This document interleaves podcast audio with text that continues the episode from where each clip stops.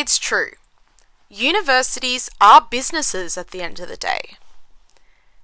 And I think the expectations we have on these institutions themselves vary from the reality. We think that they're going to prepare us for the workforce and help us secure a job.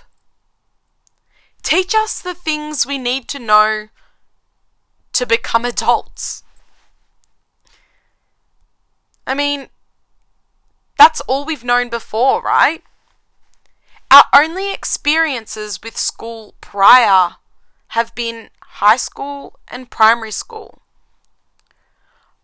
Places where we were spoon fed, where teachers actually had time for us, where we were forced to make friends and grow close relationships with our classmates. Then, all of a sudden, we're thrown into the deep end where we don't even know what's to off where we don't even know what's on offer. And a lot of us don't fully utilize the facilities that we have.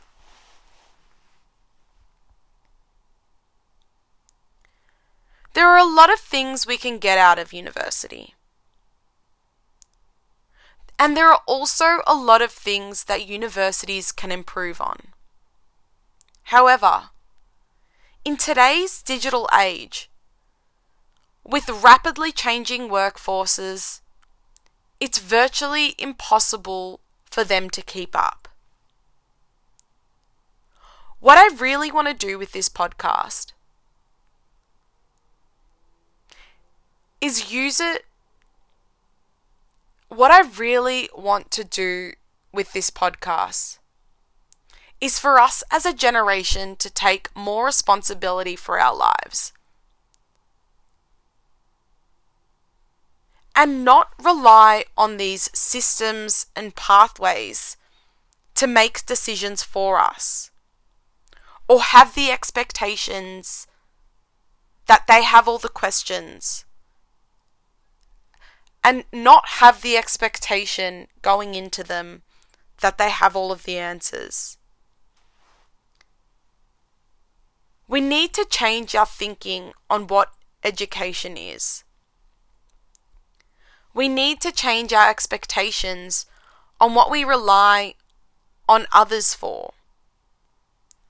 And we need to try and take more responsibility for the situations we're in and explore things for ourselves.